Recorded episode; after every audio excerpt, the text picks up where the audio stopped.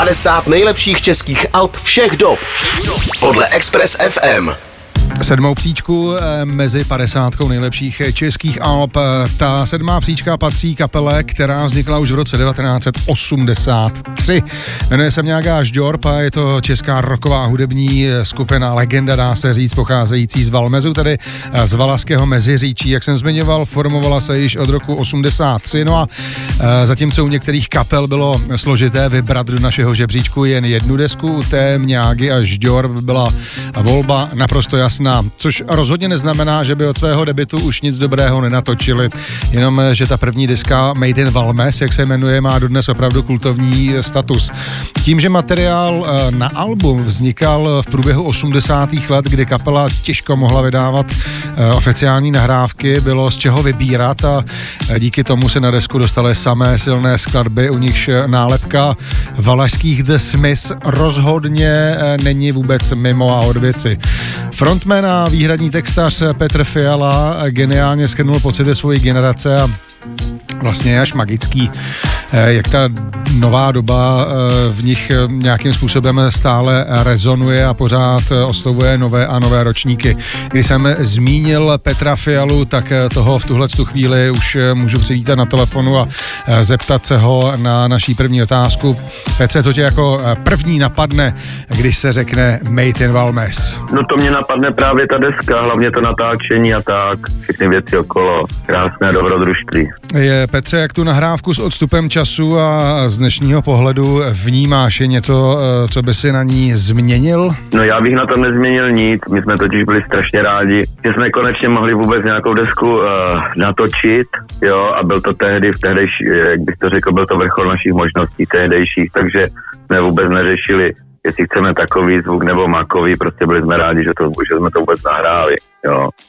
A, a pamatuju si, že jsme přijeli po nahrávání v noci domů ke mně domů ještě s kámošem, naším prvním basákem, bydlem, který na té desce nehraje, ale který nám dělal řidiče, tak jsme si to pustili potichu, protože děti spali a já říkám, ty vole, to zní fakt příšerně do prdele práce. Víš, jsme to poslali potichu na šustítkách nějakých a ono i tak ten zvuk je dost prostě 90 90 jo, ale tak člověk nikdy neví, kam ho cesta zavede, že? To je pravda. Ta deska vyšla v roce 1991. Jak vzpomínáš na dobu, kdy vznikala, na ty devadesátky hlavně, eh, tedy pokud si z nich něco pamatuješ samozřejmě? No něco si pamatuju, prostě byla to úžasná doba, fakt jako jsem klikař ve smíru, že jsem to mohl zažít, jo. Nikdo pořádně nic neuměl, ale všichni se snažili, možné bylo všechno a hlavně to bylo strašně zábavné, jo prostě neustále jedna příhoda za druhou, různé katastrofy drobné, všechno možné. Dneska je to prostě velice všechno sešněrované, kontrolované a co to něco řekneš, tak se proti tomu hradí minimálně 16,5 lidí.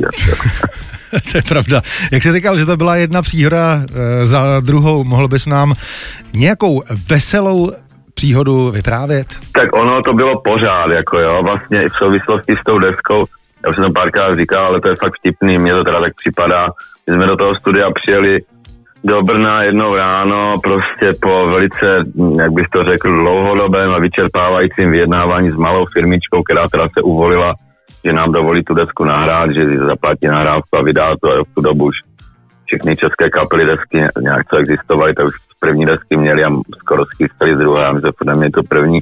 No tak jsme prostě dorazili do Brna v 10 ráno, bylo hezky celkem a zazvonil telefon v to v režii toho, toho studia a prej, jestli tam je někdo z Mňágy, tak jsem to vzal a tam byl chlapík z té firmičky a říkal, oči, jsme si to rozmysleli, no mě to zabalte, jděte domů, jako jo. Mě to, to nechcem spát prachy. A já jim říkám, ale to je hrozná škoda, jako my už to máme úplně hotový, jo, už chybí jenom kousíček a to jsme fakt ještě neměli vyvalené bubny nic, jo. A jak nebyly mobily a nic, prostě tak, tak, tak, tak, tak mi Boris do telefonu řekl, ty vole, fakt jo, no tak, tak to už to teda dodělejte.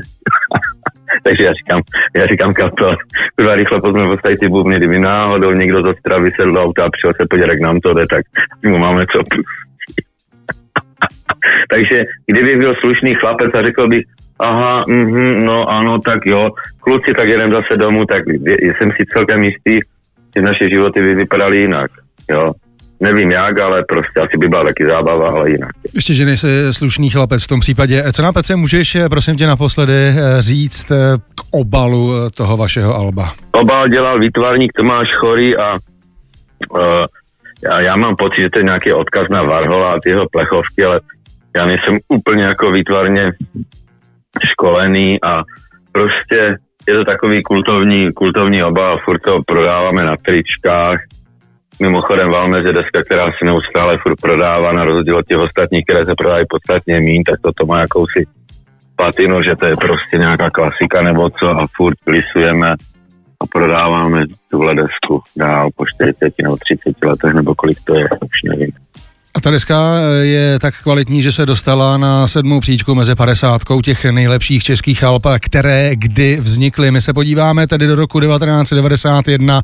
Deska se jmenuje Made in Valmes a otvírá jí vynikající záležitost, která se jmenuje Hodinový hotel. Tady je Mňága Žďor. 50 nejlepších českých alp všech dob. Všech dob. Podle Express FM.